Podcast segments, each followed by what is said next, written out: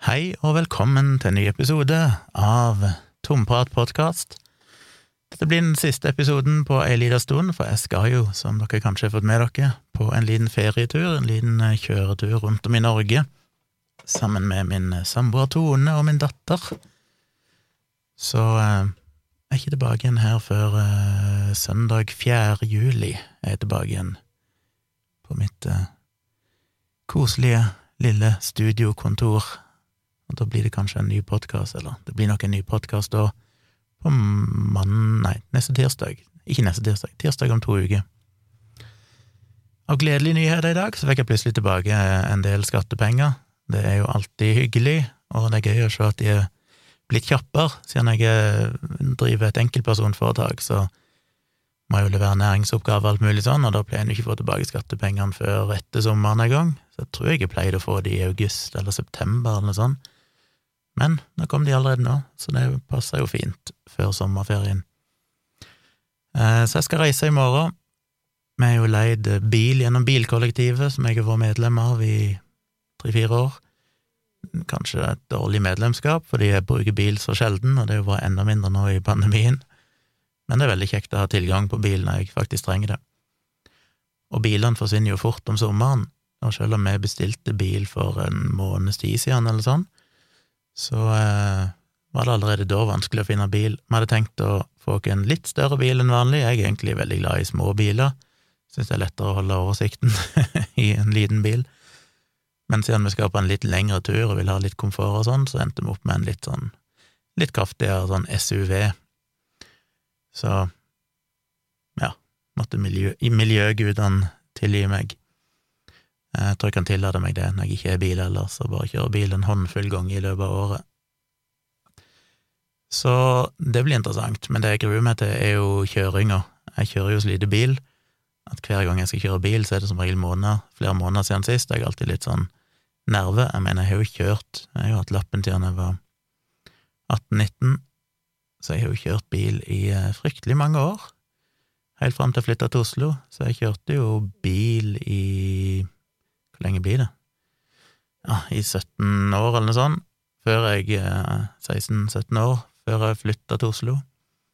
Og etter det så har jeg jo kjørt bil en del når jeg er hjemme og sånn, men så har det blitt mindre og mindre etter hvert som jeg har reist mindre hjem til Tonstad og familien min og, og lånt bil av dem. Det er ikke noen bil her i Oslo.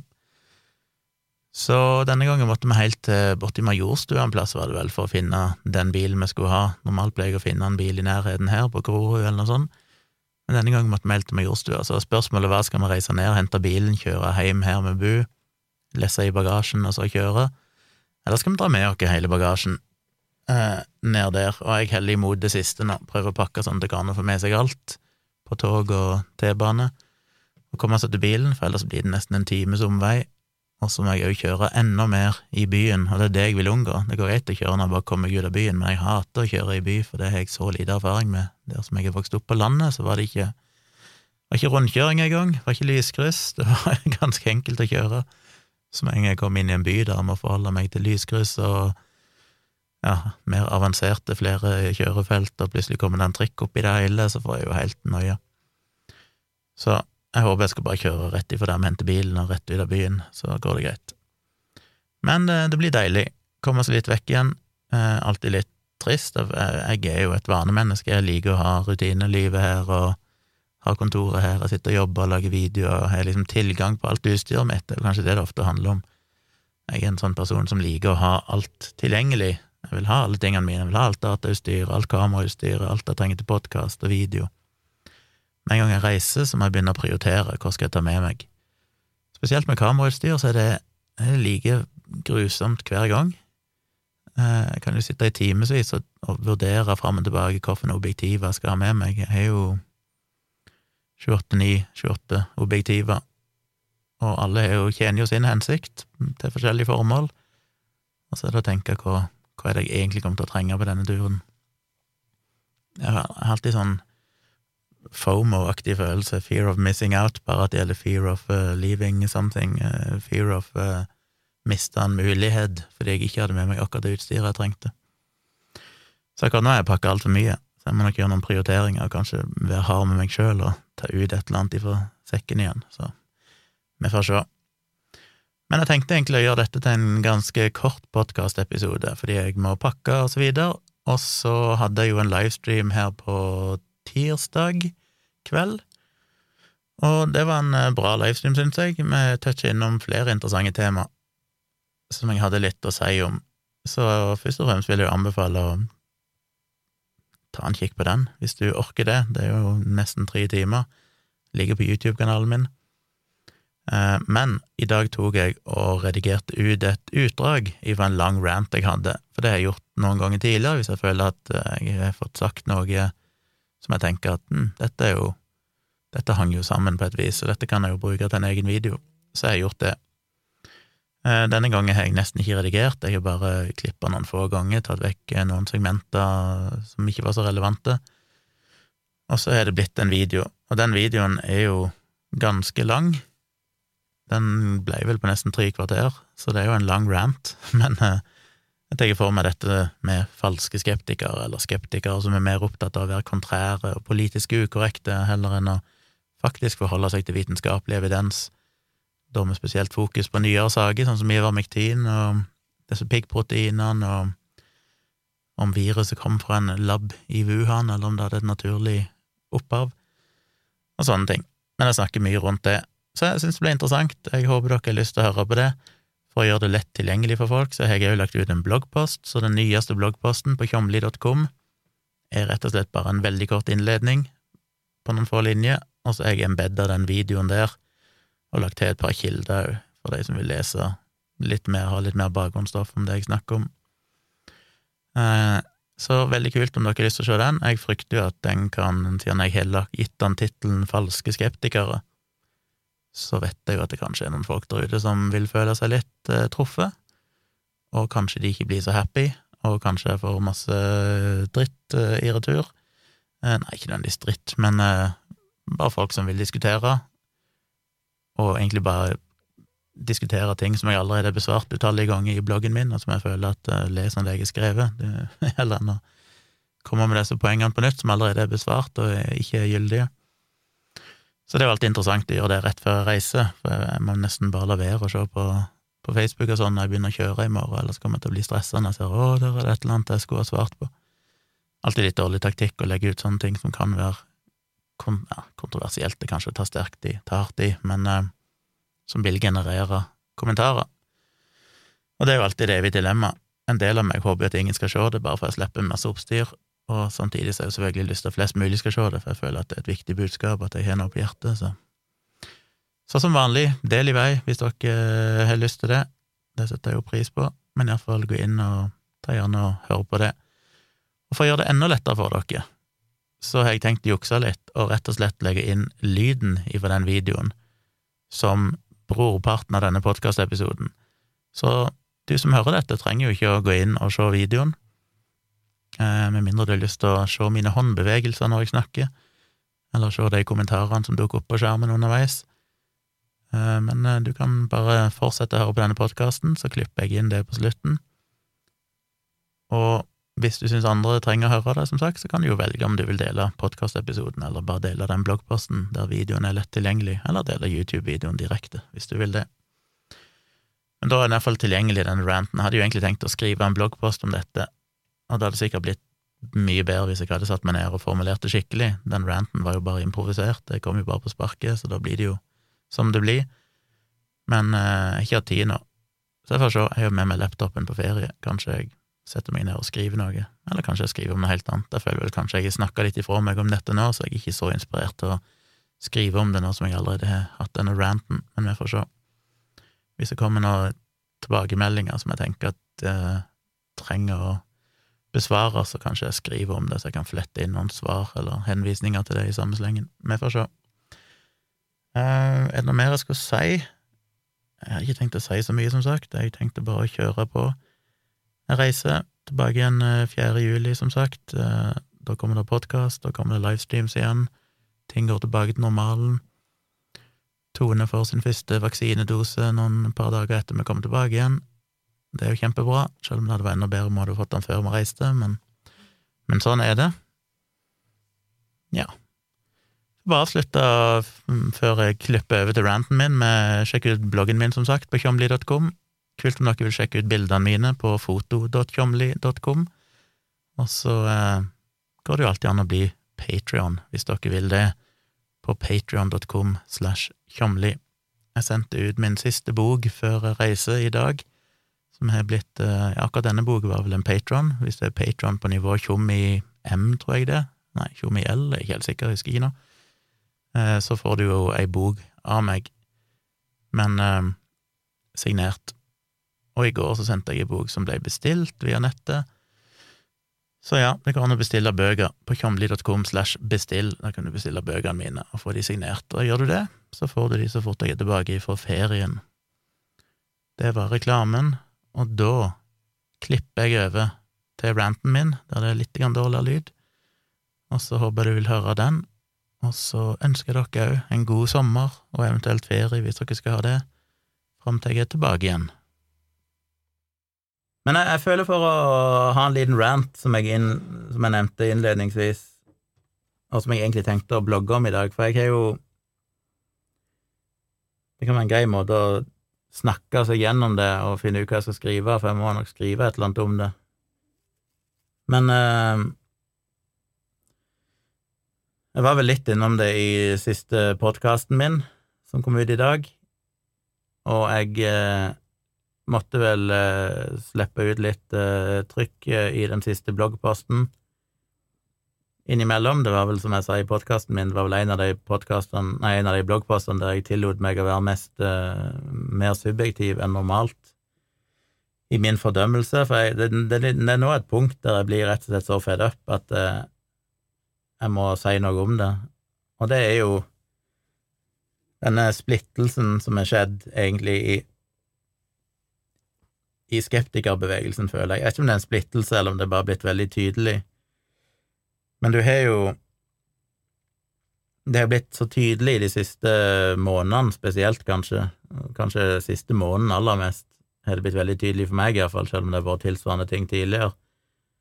Og det at du plutselig ser at det er ganske mange det jeg kaller for pseudoskeptikere, som blandes eh, skeptisisme med et behov for å være politisk ukorrekt eller kontrær, og for meg er veldig nærliggende til konspirasjonstenking.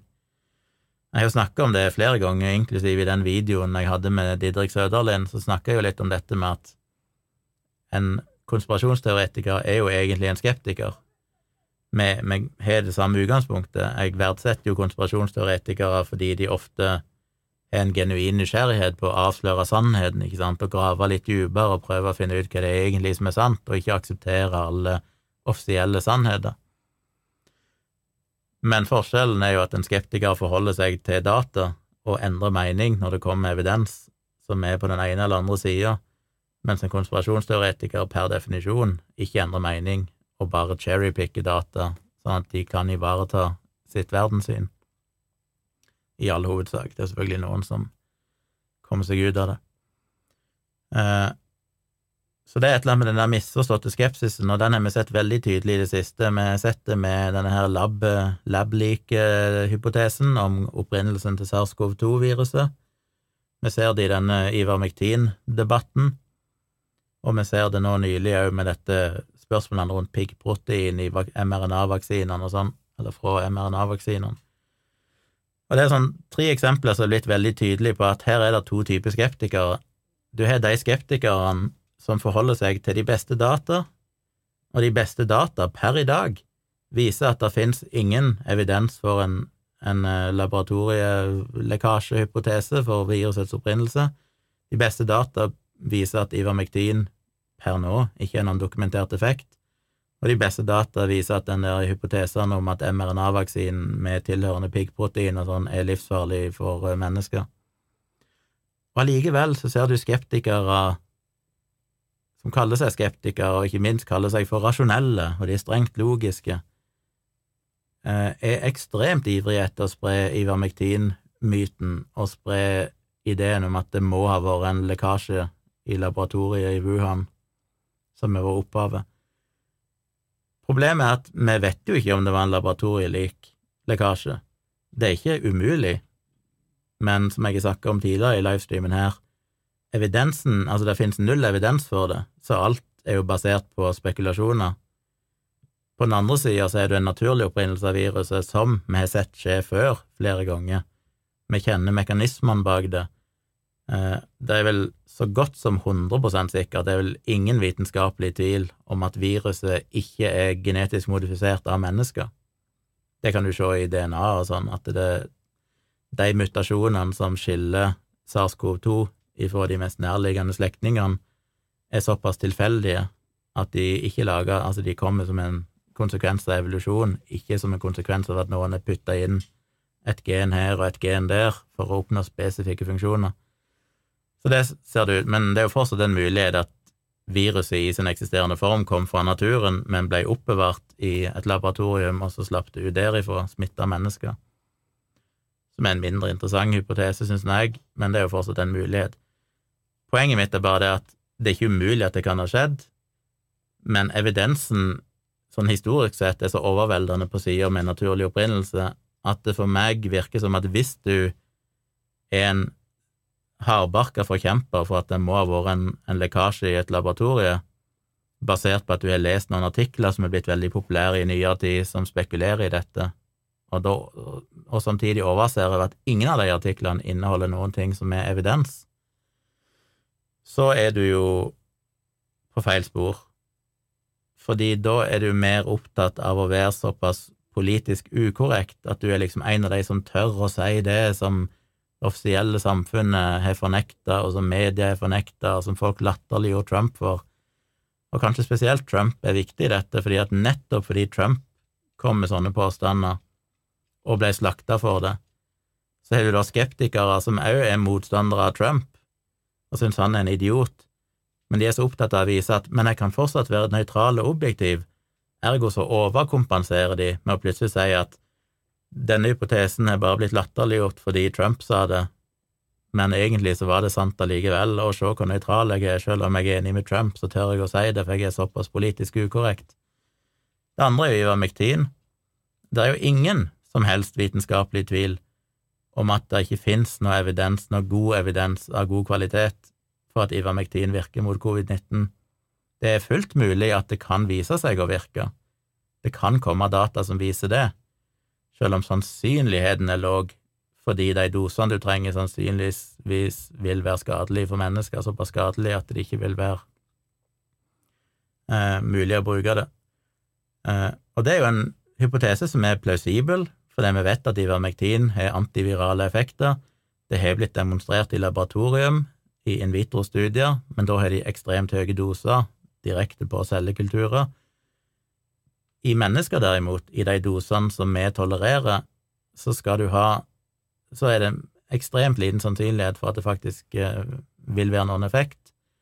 Og for å klare å akkumulere så mye ivermektin, så mye av det virkestoffet i eksempel lungene der du trenger det for å bekjempe viruset, betyr at du må innta så store doser at det sannsynligvis vil være skadelig for kroppen.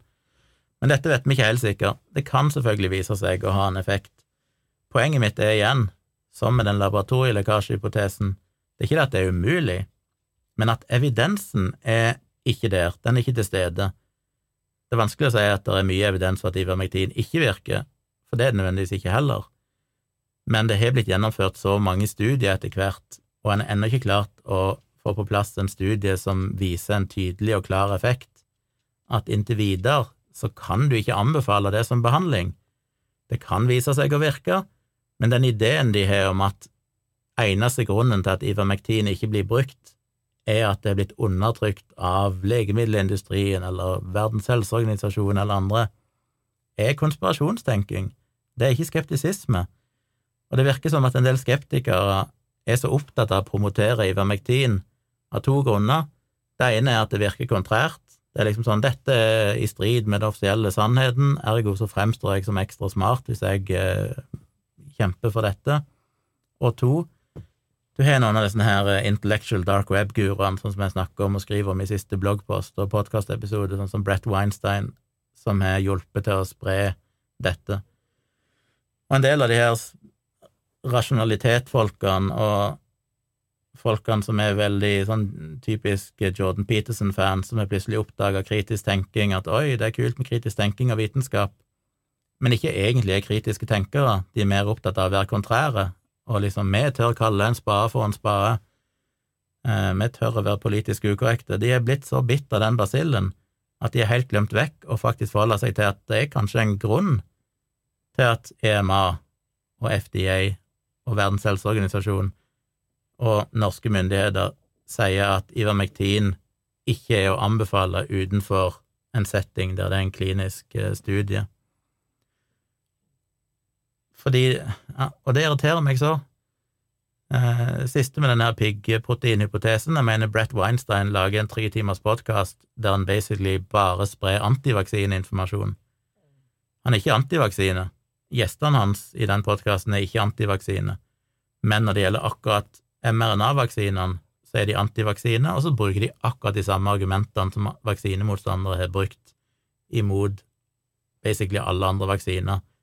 De misbruker værsdata til å vise at å, se, tusenvis av mennesker er døde etter vaksinen, som er bare bullshit. De skjønner ikke hvordan du tolker det og bruker de dataene.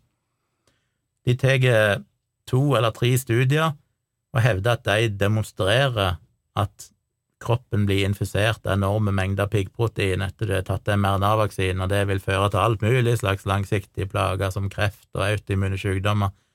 Ingen av studiene viser det, og forskerne bak de studiene har sjøl gått ut og sagt at dette er feiltolkning av dataene deres, det er ikke det studiene deres sier, men fordi en person som Brett Weinstein, som folk da har en sånn gudeaktig tiltro til, fordi han er blitt et sånn ikon sammen med Jordan Peterson og Sam Harris og enkelte andre, som sånn De tror at de, de har aldri hørt om skeptisisme før dette, aldri hørt om kritisk tenking, og så plutselig oppdager de disse guruene, og så bommer de på én ting, og det er at disse folkene her har aldri vært spesielt flinke til å tolke vitenskap. De bommer gang på gang på gang. Og selv om jeg syns alle disse folkene, Sam Harris, Jordan Peterson, Weinstein, alle har mye fornuftig å komme med, så driter de seg ut på at de ser ut til å ha et litt for oppblåst ego når det kommer til sånne ting, der hvis de plutselig finner det interessant, eller føler at de kan komme med et budskap som er igjen da, politisk ukorrekt, eller de tør å si det som det offisielle samfunnet prøver å undertrykke, så glemmer de kritisk tenking. Vi så jo det samme med Sam Harris når han skulle snakke om Black Lives Matter. Meg og Dag hadde jo en egen episode om det i Dialogisk, og da gikk, hørte jeg den episoden, gikk gjennom forskningen, og det viser seg at så mange av de studiene Jeg husker ikke om det var mange, hvor mange studier han egentlig henviser til, men jeg husker iallfall at det var studier der som han la til grunn for påstandene sine, og han sitter og legger de fram veldig rolig og nøkternt og rasjonelt, og gang på gang så sier han, og la meg minne deg på at dette er det ikke noen tvil om, dette er det etablert i den og den studien, så han sier det som at dette her er jo bare en sannhet. Og så går du og sjekker de faktiske studiene, og så er det jo ikke det de sier, eller de har blitt eh, debunka av etterfølgende studier som viser at de ikke kan replikere disse dataene. Det er så mye svakheter med det men fordi de er flinke til å liksom fremstå som vi er akademiske, og vi er så rolige og saklige og rasjonelle at det er nesten fysisk vondt å være så rasjonelle som det vi er, så er det mange sånne gryende skeptikere som svelger alt de sier rått. Og det er jo det motsatte av kritisk tenking. Jeg mener, hvis du kan høre den Weinstein-podkasten, og ikke anstrenge deg nok til at du faktisk klikker deg inn og sjekker én, er det andre troverdige eksperter på dette feltet som er uenige, og det er det jo. Det overveldende flertallet av eksperter innen virus, innen immunologi osv. er jo helt uenige. De sier dette stemmer jo ikke, det er jo ikke det disse studiene viser. Eller du går inn og faktisk leser studiene sjøl, sånn som jeg har gjort når jeg blogger om dem, og sjekker hva det egentlig som står i disse studiene. Stemmer det som blir sagt her? Og funnet ut at det stemmer jo ikke. Det er jo ikke det som står. Og så sjekker jeg artikler der folk har snakka med forskerne sjøl, og forskerne sjøl sier at dette er ikke korrekt, det som blir sagt. Altså, det er jo ikke skeptisisme, det er jo avgudsdyrking.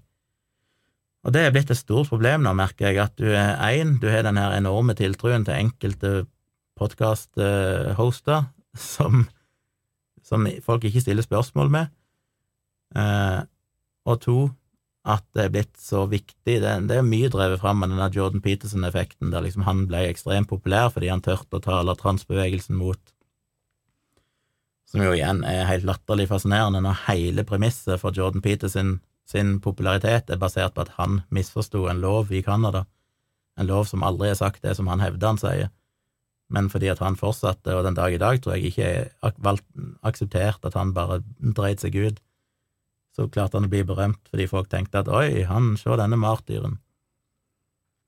Ja, det var fryktelig deprimerende. Jeg har jo møtt det sjøl nå, at når jeg skrev den siste bloggposten, i det øyeblikket jeg toucher borti Brett Weinstein, så merker du at skeptikere, skeptikere i gåsehudet, blir provosert, fordi han er liksom en guru, og så kommer argumentene med at ja, men han er en evolusjonsbiolog, eller hva han er, han er en doktorgrad i et eller annet, ergo så kan han dette bedre enn deg, som igjen er en fullstendig logisk tankefeil, det er jo en appell til autoriteter, en idé om at fordi du har visse bokstaver etter navnet ditt, så er du ufeilbarlig. Og da er det litt sånn, ja, men når forskerne bak de studiene sjøl sier at de tar feil, så er det vel relativt irrelevant at jeg ikke har en doktorgrad i immunologi. Jeg kan jo fortsatt formidle det som er sant, og avsløre at de faktisk tar feil, selv om han er en ph.d. i et eller annet. Men det blir sånn, nei, dette er en autoritet, han velger jeg å stole på uansett. Og de blir så provosert hvis du tråkker på de folkene og nekter å innrømme at de tar feil. Og det er igjen ikke skeptisisme, det er jo avgudsdyrking, som jeg kalte det. Så det var vel egentlig min lille rant, min lille fryst. Eh, det er ikke noen konklusjon her, det er bare en sånn greie som har irritert meg lenge. Jeg bare føler at dere er jo skeptikere, for faen. Vitenskapen skal stå i høysetet. Jeg tar feil, jeg har tatt mange feil, jeg har korrigert feil, jeg har innrømt feil, jeg har skrevet bloggposter om feilene jeg har tatt.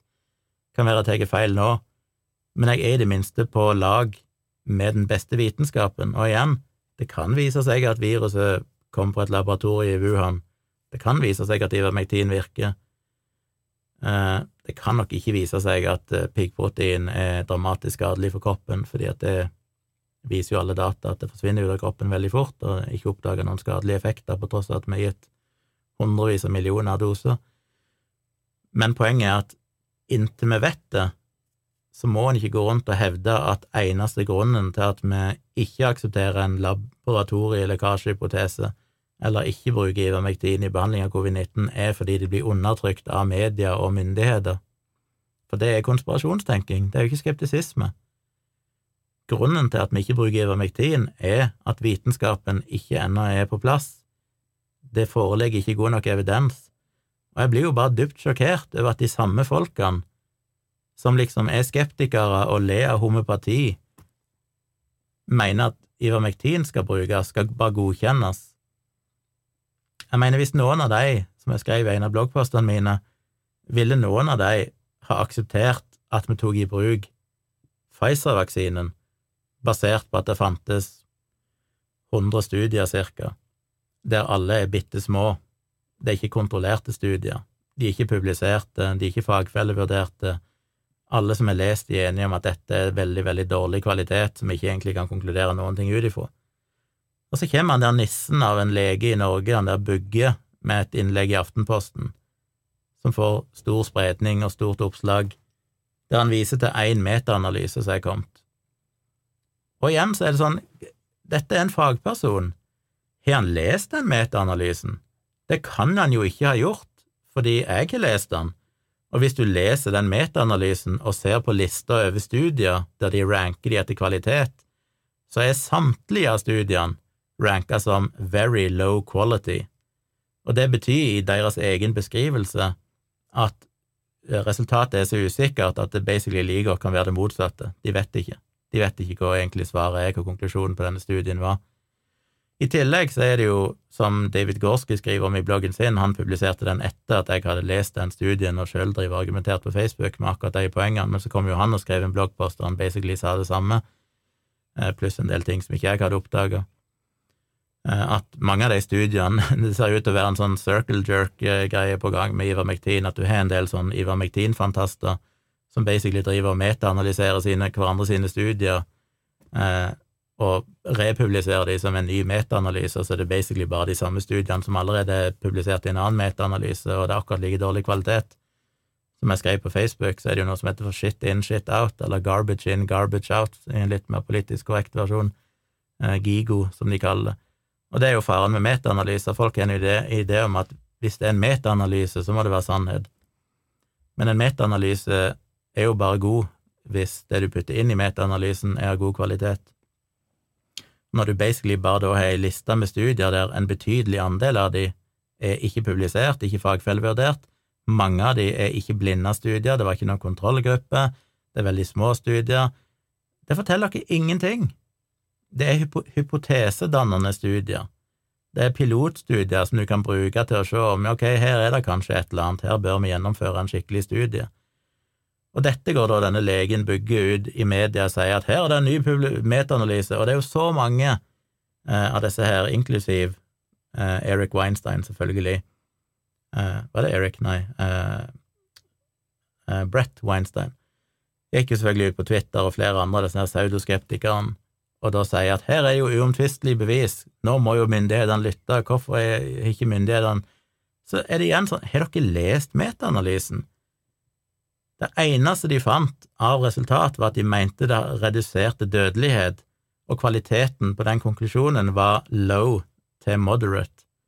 Og low betyr basically at det kan, igjen, det er liksom hakket over very low, det er fortsatt sånn at resultatet er veldig, veldig usikkert. Det kan like godt snus hvis de får noen tilleggsdata, og moderate er hakket over der igjen. Igjen veldig, veldig dårlig data, og det igjen er basert da på eh, studier av lav kvalitet, der flere av studiene var ikke fagfellevurderte, men forskerne i metaanalysen hadde sjøl fagfellevurdert de. Så de hadde fått inn studiene, og så hadde de gjennomgått de og vurdert de sjøl om de var gode nok. Og når disse forskerne bak den studien da er Ivermectin-promotører, som er assosiert med dette eh, Frontcare Alliance, et eller annet, eh, som basically har som eneste jobb å promotere Ivermectin, så kan en jo tenke seg at når de skal fagfellevurdere studier på Ivermectin, så er kanskje ikke det veldig objektivt. Så igjen, hvorfor i all verden går han der byggefyren ut med dette og driter seg ut på den måten? Og sier at her er det evidens for at ivermektin bør brukes. Han kan jo ikke ha lest metaanalysen, men igjen så går han i fella, da. Han er sannsynligvis lytta til noen Brett Weinsteins eller andre som han bare sluker rått. Og igjen, jeg mener én ting er at random folk på Facebook gjør det, en annen ting er at en lege går ut i avisen og sier det samme, en lege som virkelig, virkelig burde vite bedre enn det. Så ja, det var min, eh, min rant og min frustrasjon vi må skjerpe oss. Skal du kalle deg en skeptiker, så må du faktisk følge dataen.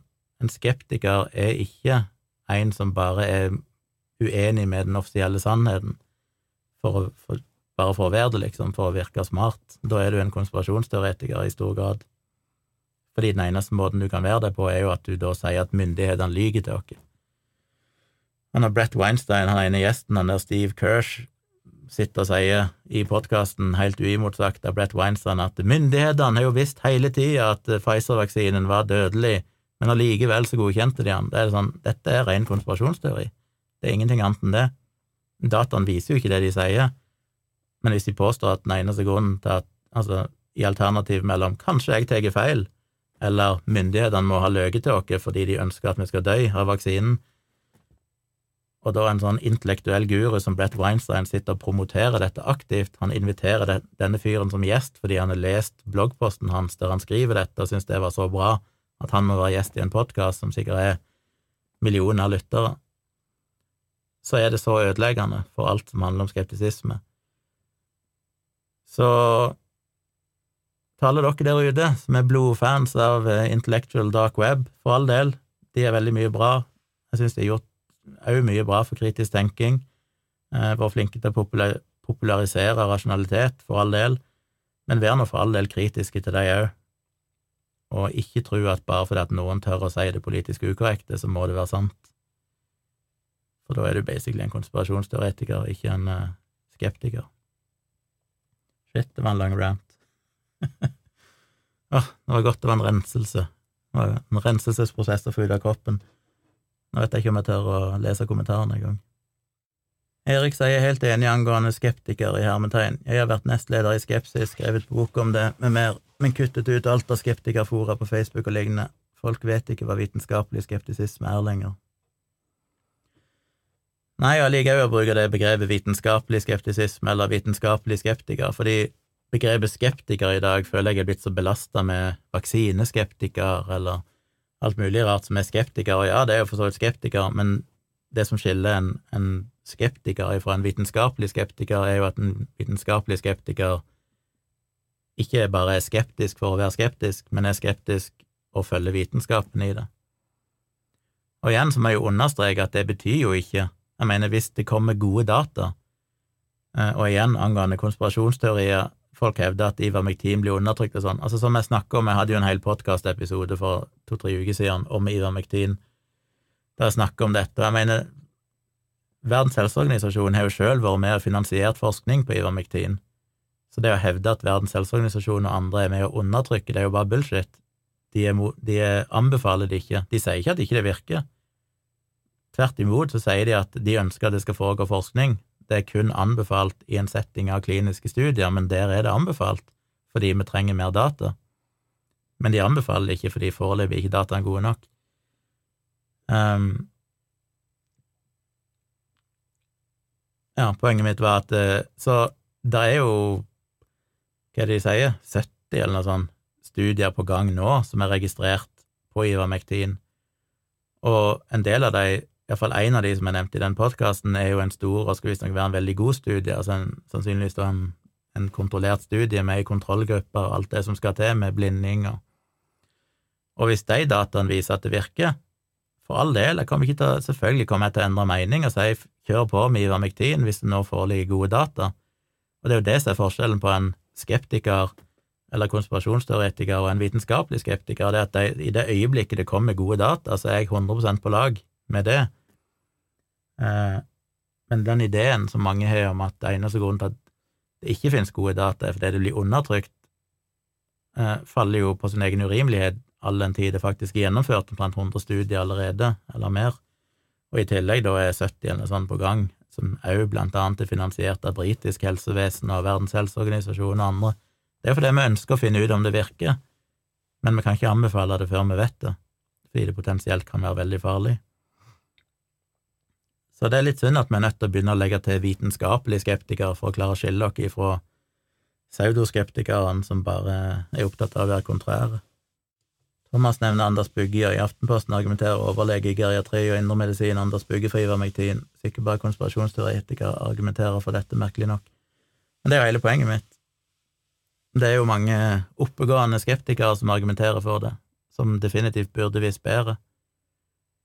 Heldigvis så kom det jo et motsvar da fra en rekke med leger i Aftenposten, men den fikk jo ikke like mye oppmerksomhet, selvfølgelig, da de forklarte nettopp hvorfor vi ikke anbefaler ivermektin ennå.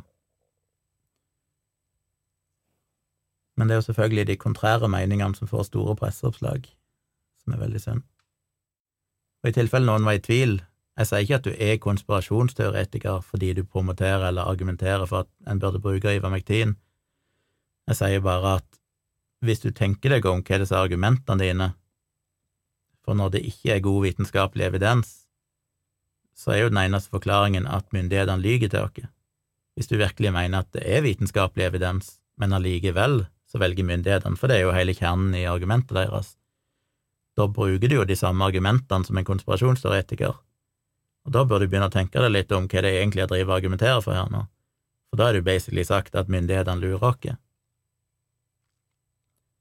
Uh, og om du da vil kalle det en konspirasjonsteoretiker, eller iallfall si at nå er du inne på konspirasjonsteoretiker, uh, argumentasjon og landskap, og kanskje du bare trår litt forsiktig, for nå er du i ferd med å drite deg ut. Thomas sier, men heldigvis får vel ikke teorien om Ivermectin samme håpløse konsekvenser som det med blekemidler som Trump kom med. Helt uvirkelig at noen trodde på det, sånt skjedde vel aldri før i historien. Nei, det er et definisjonsspørsmål om hvor idiotiske ting folk har gjort før i historien. Jeg mener, sølvvann har jo vært en greie i, i, lang tid. Det er kanskje ikke så idiotisk som å drikke blekemiddel, men uh, hvis du misbruker sølvvann, så blir jo huden blå. Og det er jo litt sånn uheldig bivirkning, pluss at det selvfølgelig ikke er noen medisinsk effekt. Folk har jo gjort mye rart. Um, men hva er det jeg skulle si? Skadevirkninger i vermektin um, Jeg vil virkelig anbefale folk, det er jo ofte en uh, prosess å lese de bloggpostene til David Gorski, for han er jo verre enn meg når det gjelder å skrive langt. Men han har embedda en del tweets igjen, da, morsomt nok, ifra Health, Health Nerd på Twitter, som jeg jo har anbefalt mange ganger at folk bør følge. For han er jo epidemiolog og er veldig flink til å ta for seg de her tingene. Han har jo hatt flere rants om både lab-leak-hypotesen og Ivermectin og sånn, og går gjennom hva det egentlig forskningen viser her. Eh, og der har jeg jo noe sånt der de har gått inn i en av de andre studiene på Ivermectin som er blitt ranta av eh, Weinstein og andre som sånn endelig bevis for at det virker. Der er en eller annen ekspert, jeg husker ikke hva et felt det var han var ekspert i, et eller annet som var relevant for dette her, og gikk inn sånn, Det er jo ti mil over mitt hode, men det var sånn en eller annen mekanisme for hvordan ivermektin skulle virke, som viser seg å virke i cellekjernen, eh, et eller annet sånn, men så opererer jo viruset i cytoplasma. Ergo så kan jo ikke den effekten, som er hele kjernen i den artikkelen, som skal være beviset, eh, eh, være relevant, fordi det opererer jo ikke på det stedet der viruset faktisk opererer i kroppen vår, ellers var det motsatt, at dette her ivermektin opererte i cytoplasma, mens et eller annet sånt, som bare viste at sånn, dette her gir jo ingen mening, dette er sånn biologisk sett fullstendig feil. og det var jo ikke en studie, det var jo kun en, en review der noen hadde skrevet en uh, argumentasjon for hvorfor ivermektin virker, der de hadde prøvd å forklare en virkningsmekanisme. Og den ble jo jeg òg forelagt på Facebook før David Gorski skrev denne bloggposten, og jeg lest, bare skumleste den fordi at jeg innså umiddelbart at dette er jo ikke en studie, dette er basically en forklaring av virkningsmekanisme. Og da forklarte jeg jo han jeg diskuterte med på Facebook, at det er jo en, hvis det er én ting vi har lært gjennom hundre år med vitenskapelig metode, der vi har valgt å bruke kontrollerte studier for å teste effekt, så er det at det å finne en virkningsmekanisme er fryktelig mange mil ifra å konkludere med at noe faktisk har en eller annen biologisk effekt i kroppen. Som jeg snakker om flere ganger, rent teoretisk så er det flere kreftfremkallende stoffer i kaffe, men allikevel så ender ikke folk opp med å få kreft av å drikke kaffe.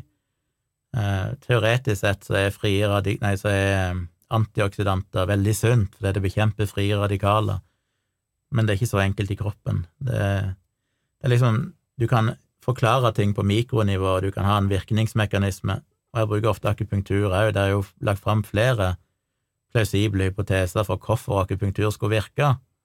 Jo, det får celler til å bli ødelagt, og det trigger visse mekanismer som kan være smertestillende og bla, bla, bla. Flott en veldig interessant hypotese, la ikke teste den, men det er fortsatt bare en hypotese, og når du da faktisk tester akupunktur, så finner du ikke den effekten i kroppen. Så den der, det er jo en sånn tankefeil som mange skeptikere gjør, de finner en artikkel som er veldig overbevisende, som skal forklare en virkningsmekanisme, og så hopper de da til at ergo så virker det. Og hvis det er én ting medisinen har vist dere, så er det jo det at under én promille av alle virkestoffer som rent teoretisk sett skal ha en medisinsk effekt i kroppen, ender jo opp som faktiske legemidler. Fordi veien fra at det har en teoretisk effekt, for eksempel i ei petriskål i et laboratorie, altså har en teoretisk effekt gjennom måten du forstår at disse molekylene virker og interagerer med molekyler i kroppen, og det du eventuelt ser når du tester det i et laboratorie, til at det skal virke på samme måte i kroppen, er så ekstremt lang. De aller fleste aktive virkestoffer stopper jo der, de kommer aldri lenger fordi det viser seg at de ikke engang virker i, i, i eh, laboratoriet. De som kommer seg derifra, de aller fleste forsvinner jo i fase 1-studier, for det viser seg at i kroppen så er det ingen effekt, eller det har giftige effekter i kroppen, så dette kan vi ikke bruke. Og bare noen veldig, veldig få eh, Ja, når du kommer deg opp til fase 1, så husker jeg ikke helt tallene, jeg skriver om det i placebo-defekten, jeg husker ikke tallet der, men det er et veldig, veldig lite tall som ender opp med å faktisk bli et godkjent legemiddel, fordi at når det kommer i kroppen, og det skal interagere med alt det som skjer i kroppen, du skal tas opp, eh, hvis du tar det som oralt, så skal det jo tas opp i kroppen, og de skal komme i de rette konsentrasjonene til de cellene i kroppen som trenger de, og sånn. Og så er det immunforsvar, og det er andre mekanismer som bryter det ned underveis, det er fordøyelse, det er så mye som skjer i kroppen som gjør at det ikke ender opp med å virke. Så igjen den der ideen om at fordi du har en virkningsmekanisme, så virker ivermektin, er jo bare bullshit. Det er det er hypotesedannende. Dette må testes i kontrollerte studier.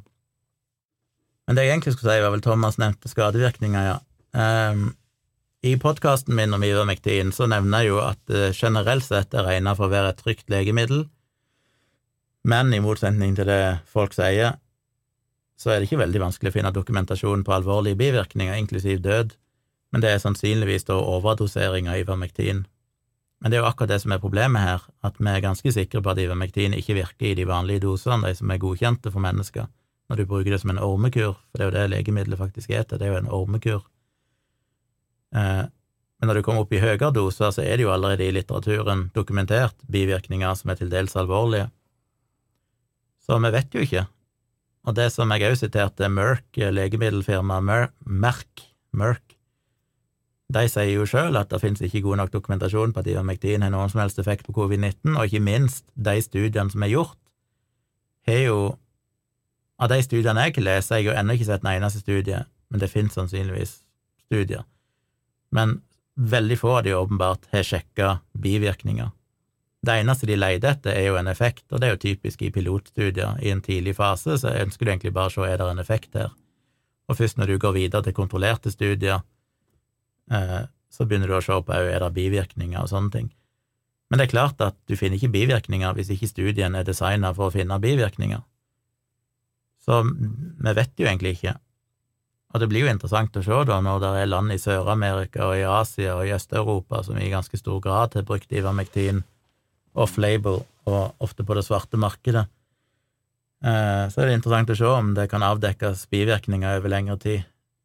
For det å bare anta at det er trygt når du bruker det til noe helt annet enn det det skulle brukes til, og du ikke har noen kontroll på hvilke doser folk faktisk ender opp med å ta, så tror jeg neppe det kommer til å vise seg å være helt trygt, iallfall. Thomas sier det er veldig mye som i høye doser dreper både covid-19 og mye annet. Ja, det er jo et veldig godt poeng. Det er jo et eksempel som ofte blir brukt, at uh, når folk sier at ja, men dette stoffet dreper kreftceller, og det er vist i laboratoriesetting i petriskål og så videre, Hvorfor blir ikke dette brukt som kreftmedisin? Myndighetene undertrykker det. Og da er jo svaret at ja, men hvis du gir én dråpe med sitronsaft oppi ei petriskål, så dreper du òg alle cellene. Det betyr jo ikke at sitronsaft kurerer kreft. Eh, før jeg hørte den eh, sitronsaftdråpen, så har jeg jo hørt Zalo. Sitronsaft er kanskje bedre fordi det er liksom naturlig. Men det er jo det samme. Du kan jo basically putte en dråpe Zalo oppi ei petriskål, og så vil sannsynligvis cellene dø. Så det er et veldig dårlig eksempel, og det er jo det som er problemet, at jeg tror folk glemmer det, at det er ikke nok at et stoff har en aktiv effekt mot et eller annet bakterie eller virus, det må jo faktisk òg ha den aktive effekten i en dose som vi kan tolerere, og så må vi få den dosen fram til det stedet i kroppen der du trenger en viss konsentrasjon for at det skal ha effekt, uten at det gjør den skaden. Det er det som gjør medisin så komplisert. Kristoffer sier konspirasjonsteoretikerne sier grunnen til at ivermektin ikke blir brukt, er på grunn av at det er mer penger å hente på vaksiner. Og det er jo et sånn eh, argument som selvfølgelig har en kjerne av sannhet i seg. Det er jo ikke noen tvil om at legemiddelindustrien eh, ofte er kyniske jævla. Og det vil ikke overraske meg om jeg har sett tilfeller på det, at de lar profitt gå foran folks ve og vel. Det vet vi. Men det er jo noen store problemer her. Det ene er jo, som jeg har pekt på i tidligere bloggposter, og snakket om i podkast, og ikke bare i nye bloggposter under covid, men jeg har skrevet om det for mange år siden, lenge før covid. For dette er jo et klassisk antivaksineargument, og det er jo det som, jeg, som er greia her, at det er jo ikke et eneste ett argument som er i debatten nå, som ikke har vært akkurat det samme tidligere. Og som jeg skriver i bloggposten, det er jo nettopp derfor det er så farlig for en fyr som Brett Weinstein å begi seg inn på et sånt tema, fordi han kan være superflink på enkelte ting, men hvis ikke han har fulgt antivaksinedebatten, så vil han bli lurt av argumentene deres, fordi de har argumenter som ofte høres gode ut. Eh, et eksempel er jo disse veierstatene, som sagt, med dødstall. Hvis ikke du skjønner hva som er den logiske bristen i det argumentet, så høres det overbevisende ut, og Brett Weinstein er jo tydeligvis har jo svelga det agnet. Et annet eksempel er det som jeg skrev en bloggpost om for noen uker siden, dette med døds, eh, om vaksiner egentlig har redusert dødeligheten. der det vis, kan vise grafer. De grafene er korrekte, noen av de er manipulert, det er skrevet om i tidligere bloggposter, men du trenger ikke manipulere grafer for å vise dette poenget, og det er at dødeligheten definitivt i stor grad sank med over 90% før vaksinene ble tatt i bruk av de fleste smittsomme sykdommer. Og det er fordi vi fikk bedre ernæring, vi fikk rent vann, vi fikk bedre helsehjelp, vi fikk antibiotika, mange sånne ting som hadde mye større effekt enn vaksinene på dødelighet. Det er det ingen tvil om. Ingen, ingen fagpersoner vil betvile det. Men hvis du får det argumentet, så er det jo veldig mange, òg smarte folk, som er pro vaksine, som da tenker shit, her er det jo et poeng. Men så glemmer de to viktige ting. Det ene er jo det at ja, dødeligheten gikk ned, men antall som ble smitta, gikk jo ikke ned. Og det kan du se på de grafene, at antall som er smitta, det kan være litt variasjoner, og på noen ting så kan det ha gått litt ned fordi de fikk bedre hygiene og sånne ting, men stort sett på de fleste sykdommene så er det ganske flatt fram til vaksinen kommer, og så går det rett i bakken. Så like mange ble syke, men vi klarte å redde flere fra å dø gjennom bedre behandling, antibiotika og sånne ting. Men det er jo en, et problem med disse debattene, er at vi har en tendens til å måle alt i dødelighet. Men for eksempel meslinger, så er det to til tre per 10 000 eller sånn som dør av meslinger. Men i tillegg til det så er det jo kanskje 20–30% av de som blir smitta, ender jo opp på sykehuset med lungebetennelse og alvorlige komplikasjoner. En liten promille av de ender opp med hjerneskader, de blir døve, de blir lamme. Altså, det er massive komplikasjoner for disse sykdommene, selv om du overlever.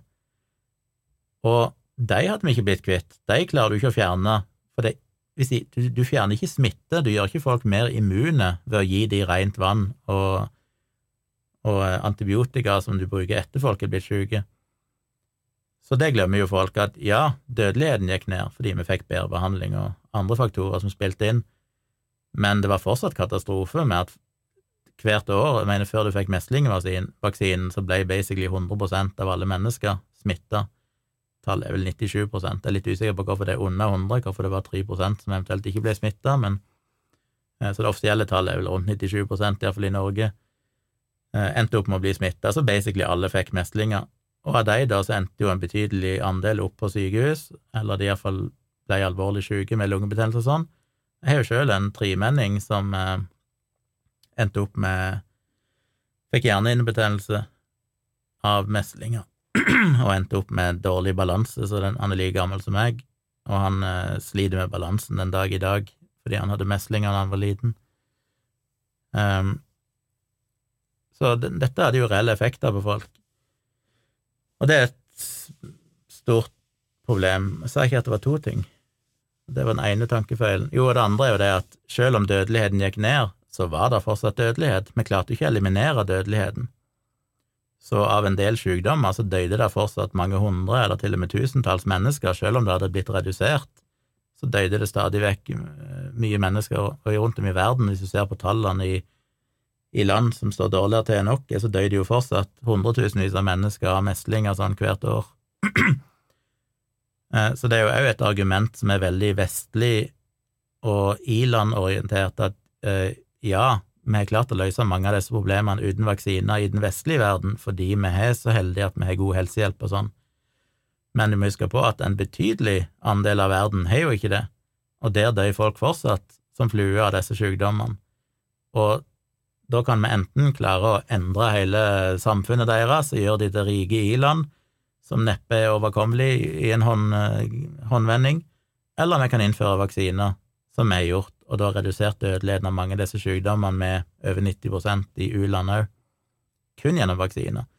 Så det argumentet med dødelighet gjelder jo bare i den vestlige verden, det gjelder jo ikke i godt og vel halvparten av resten av verden, eh, og i tillegg så har det ikke noe å si på smitte og alle komplikasjonene som kommer med sykdommene, ikke minst belastning på helsevesenet, kostnader for samfunnet knytta til sykdom, alt det der. Men selv om dødeligheten gikk ned, så var det fortsatt dødelighet, og den har gått ned til null på mange av disse sykdommene. Det er ingen i Norge lenger som dør av polio. Basically ingen. Det er mange, mange år mellom hver gang Jeg vet ikke når siste dødsfall var av meslinger. Det har jo vært bitte små meslingutbrudd knytta til enkelte miljøer i Norge, og av og til innvandrere som kommer som er smitta, eh, der det har liksom endt opp med alvorlig sykdom. Jeg husker ikke om det var noe dødsfall i nyere tid, men basically null, i praksis null. Så det er jo litt sånn, ja, men er det ikke verdt å gå ifra 100 dødsfall i året til null dødsfall i året, når du kan gjøre det gjennom vaksinering?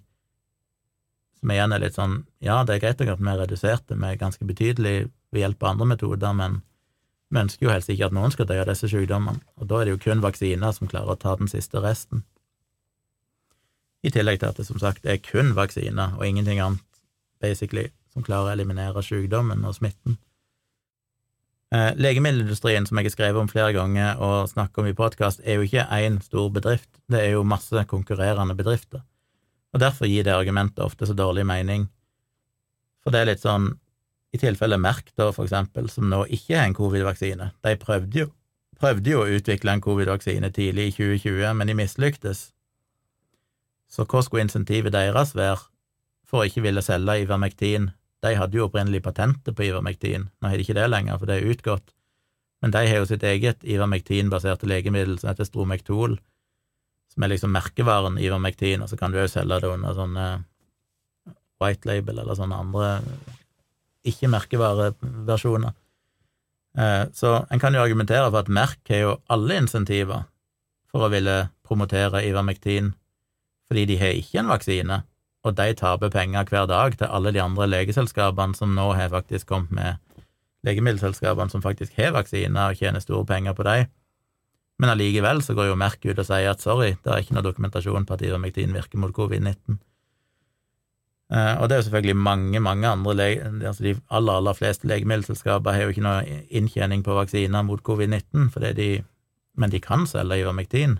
det kan de selge uten å har patentet på det lenger, det kan de lage sjøl. Så jeg, jeg, skjønner ikke helt det argumentet. Det ville jo vært mye penger for legemiddelselskapene i å selge Ivermectin, fordi i store deler av verden så er det ikke tilgang på vaksiner. Og hvis de kunne fått billig Ivermectin, så hadde de kjørt på. Men allikevel så ser du at legemiddelselskapene går ikke ut og sier at hei, Ivermectin virker mot covid-19. Så det argumentet gir jo bare ingen mening, hvis du begynner å se på de faktiske forhold.